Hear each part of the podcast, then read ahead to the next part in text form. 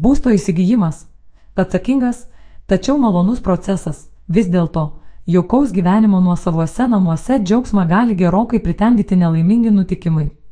Nuo kačiuko numesto mobiliojo telefono iki trūkusio vamzdžio užlietų kelių aukštų kaimynų.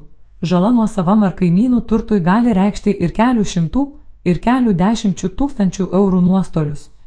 Nuo jų apsaugoti ar bent reikšmingai sušvelninti finansinį šoką gali būsto draudimas.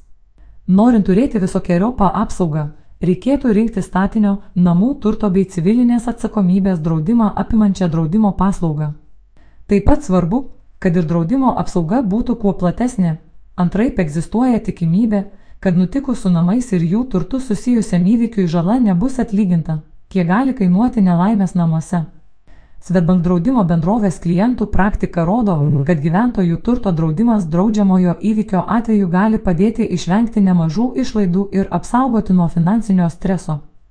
Štai pavyzdžiui, kambario remonto metu, kuomet vienas ant kito buvo sukrauti baldai, o ant jų - kompiuteris, kliento šuo baldus nuvertė ir kompiuterį sudaužė.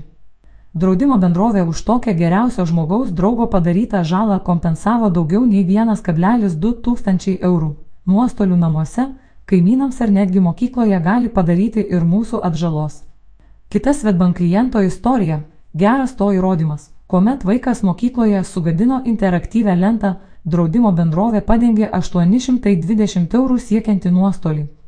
Tačiau be nebrangiausiai gali atsieiti gedimų ir vagysčių žalos. Pavyzdžiui, dėl į elektros stulpą trenkusio žaibo sugedo kliento namuose esantys elektros skaitikliai ir būties prietaisai. Svetbank draudimo bendrovė jam kompensavo beveik 8 tūkstančiai eurų siekusią žalą. O kai iš kito kliento statomo namo buvo pavoktas šildymo katilas ir rekuperatorius, draudimo bendrovės jam buvo atlyginta daugiau nei 12 tūkstančių eurų siekianti žala. Į ką atkreipti dėmesį? Statinio draudimas.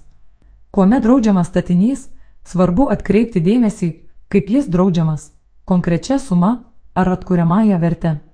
Draudžiant konkrečia suma, pavyzdžiui, 100 tūkstančių eurų, jos tiesiog gali neužtekti, nežala bus didesnė. Taip pat reiktų įsivertinti ir tai, kad statybinės medžiagos, darbų atlikimas brangsta ir jeigu šiandieną draudimo suma atrodo pakankama, po metų jos gali reikėti gerokai didesnės. Svetbank gyventojų turto draudimo atveju statinys draudžiamas atkuriamąją vertę, nenurodant konkrečios sumos.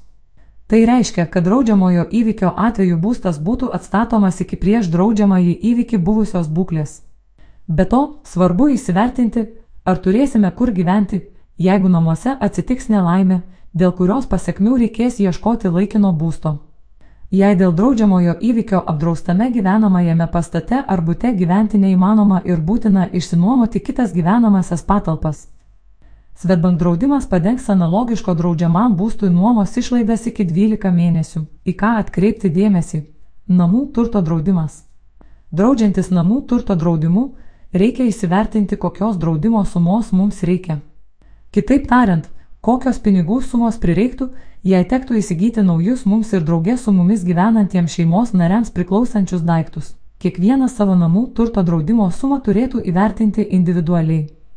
Tačiau svarbu atminti, kad skaičiuoti reikėtų ne tik namuose esančių daiktų vertę, pavyzdžiui, baldų, būtinės technikos, išmaniųjų įrenginių, drabužių, avalinės, bet ir vertę daiktų.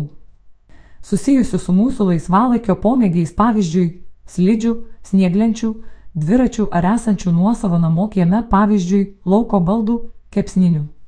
Draudžiant namų turtą reikėtų atkreipti dėmesį ir į tai, kokie apribojimai taikomi tam tikroms daiktų grupėms, Svetbank draudimo atveju. Meno kūriniai, vertybės įskaitant juvelyrinius dirbinius, tauriuosius metalus ir rankinius laikrodžius ir antikvariniai sukurti prie 70 metų ir anksčiau. Daiktai apdraudžiami 25 procentai nuo namų turto draudimo sumos. Nesumontuotos statybinės medžiagos pavyzdžiui plytos, vamzdžiai, dažai, parketas, laidai, nesumontuota įranga pavyzdžiui santechnika, oro kondicionierius, šildymo sistema. Ir įrankiai apdraudžiami 25 procentai nuo namų turto draudimo sumos. Tokie daiktai apdraudžiami, jeigu jie laikomi statinio viduje. Namų turtas laikomas draudimo vietoje esančiame sklype, atskirame rusyje, apdrausto būto garaže, pagalbinėme arba pirties pastate ir kuriuo naudojamės tik mes. Apdraudžiamas 25 procentai nuo namų turto draudimo sumos. Namų turtas esantis už draudimo vietos ribų Lietuvos Respublikos teritorijoje, apdraudžiamas 5 procentai nuo namų turto draudimo sumos. Draudimas galios, jei turtas draudžiamojo įvykio metu buvo jūsų tiesiogiai prižiūrimas, į ką atkreipti dėmesį. Civilinės atsakomybės draudimas. Kuomet svarstoma, kokia suma drausti namus gyvenantiems būte, pirmiausia reikėtų pagalvoti apie tai, kelių aukštų name gyvenama. Įsivertinti ne tik tai, Keliems būtams gali būti padaryta žala, juos apliejus, bet ir tai, kokią žalą gali padaryti gaisras. Tai ypač aktualu gyvenantiems pirmame aukšte. Neretai manoma, kad gyvenant žemutinėme aukšte kaimynams padaryti žalos neįmanoma. Vis dėlto, būtent gaisro atveju paprastai padaroma žala kaimynams, gyvenantiems aukščiau. Taip pat reikėtų įsivertinti ir kaiminystę. Jeigu ji naujesnė ar prabangesnė, reikėtų pagalvoti apie didesnę civilinės atsakomybės draudimo sumą.